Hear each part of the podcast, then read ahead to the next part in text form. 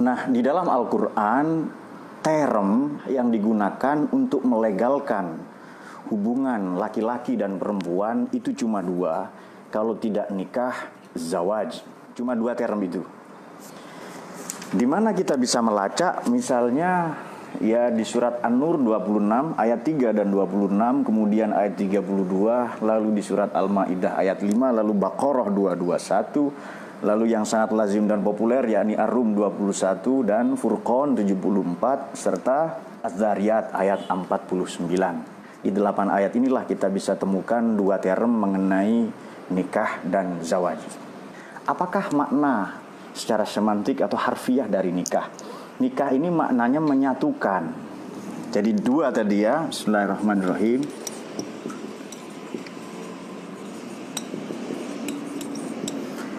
Nikah dengan zawaj atau zauj atau zaujia.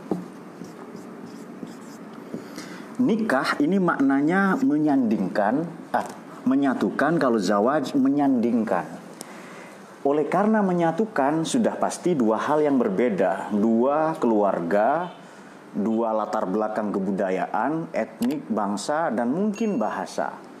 Bahkan ada pernikahan beda agama dan ini pernah terjadi dan dan di Quran juga dibahas persoalan ini. Jadi menikah dengan ahli kitab misalnya. Kemudian kalau zawaj maknanya menyandingkan.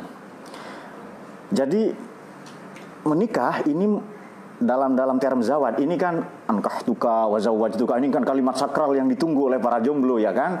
Ini sebenarnya bukan kawin. Mana Ustadz Yani? Bukan kawin tapi menyandingkan.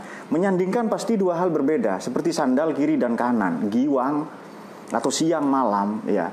Jadi dua hal yang berbeda dan oleh karenanya saling membutuhkan.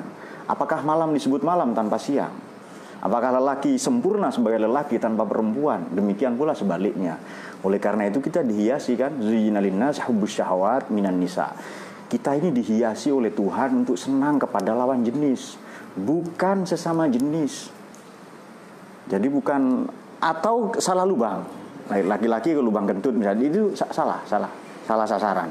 Salah sasaran tembak itu ya. Nah, bahwa ada manusia yang melegalkan apa? LGBT ya, mazhab LGBT ya itu urusan mereka tapi uh, agama sudah sudah menjelaskan Oke. Okay. Nah, sekarang begini. Uh, uh, uh, sebelum nanti yang ditunggu-tunggu ya doa anti jomblo tadi itu. Kalau An-Nur 26 tadi baik buruk.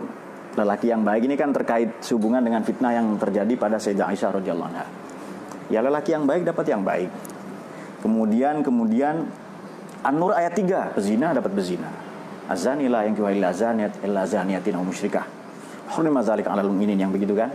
Kemudian kemudian Al-Maidah ayat 5 itu nikah dengan ahlul, ahlul kitab, nikah beda agama. E, para ulama mensyaratkan laki-laki yang muslim.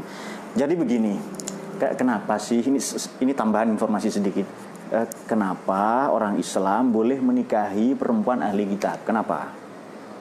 Kenapa? Dan perempuan ahli kitab itu e, laki-laki ahli kitab tidak boleh menikahi perempuan yang muslim. Kenapa? Kenapa? Karena karena umat Islam itu percaya kepada Nabi Musa, Nabi Isa alaihi salam ya kan? Sementara sementara ahli ahli kitab Yahudi Nasrani tidak percaya pada Nabi Muhammad. Jelas ya? Jelas ya? Jadi hanya beda di situ saja. Kita umat Islam meyakini mengimani Nabi Musa, Nabi Isa alaihi salam. Mereka tidak meyakini Nabi Muhammad. Kalau meyakini Nabi Muhammad otomatis otomatis muslim itu itu itu sebenarnya pandangan dari Syekh Mutawalli Asy'arawi ketika ditanya kok ahli kitab laki-laki tidak boleh menikahi uh, perempuan muslim misalnya jawabannya tadi itu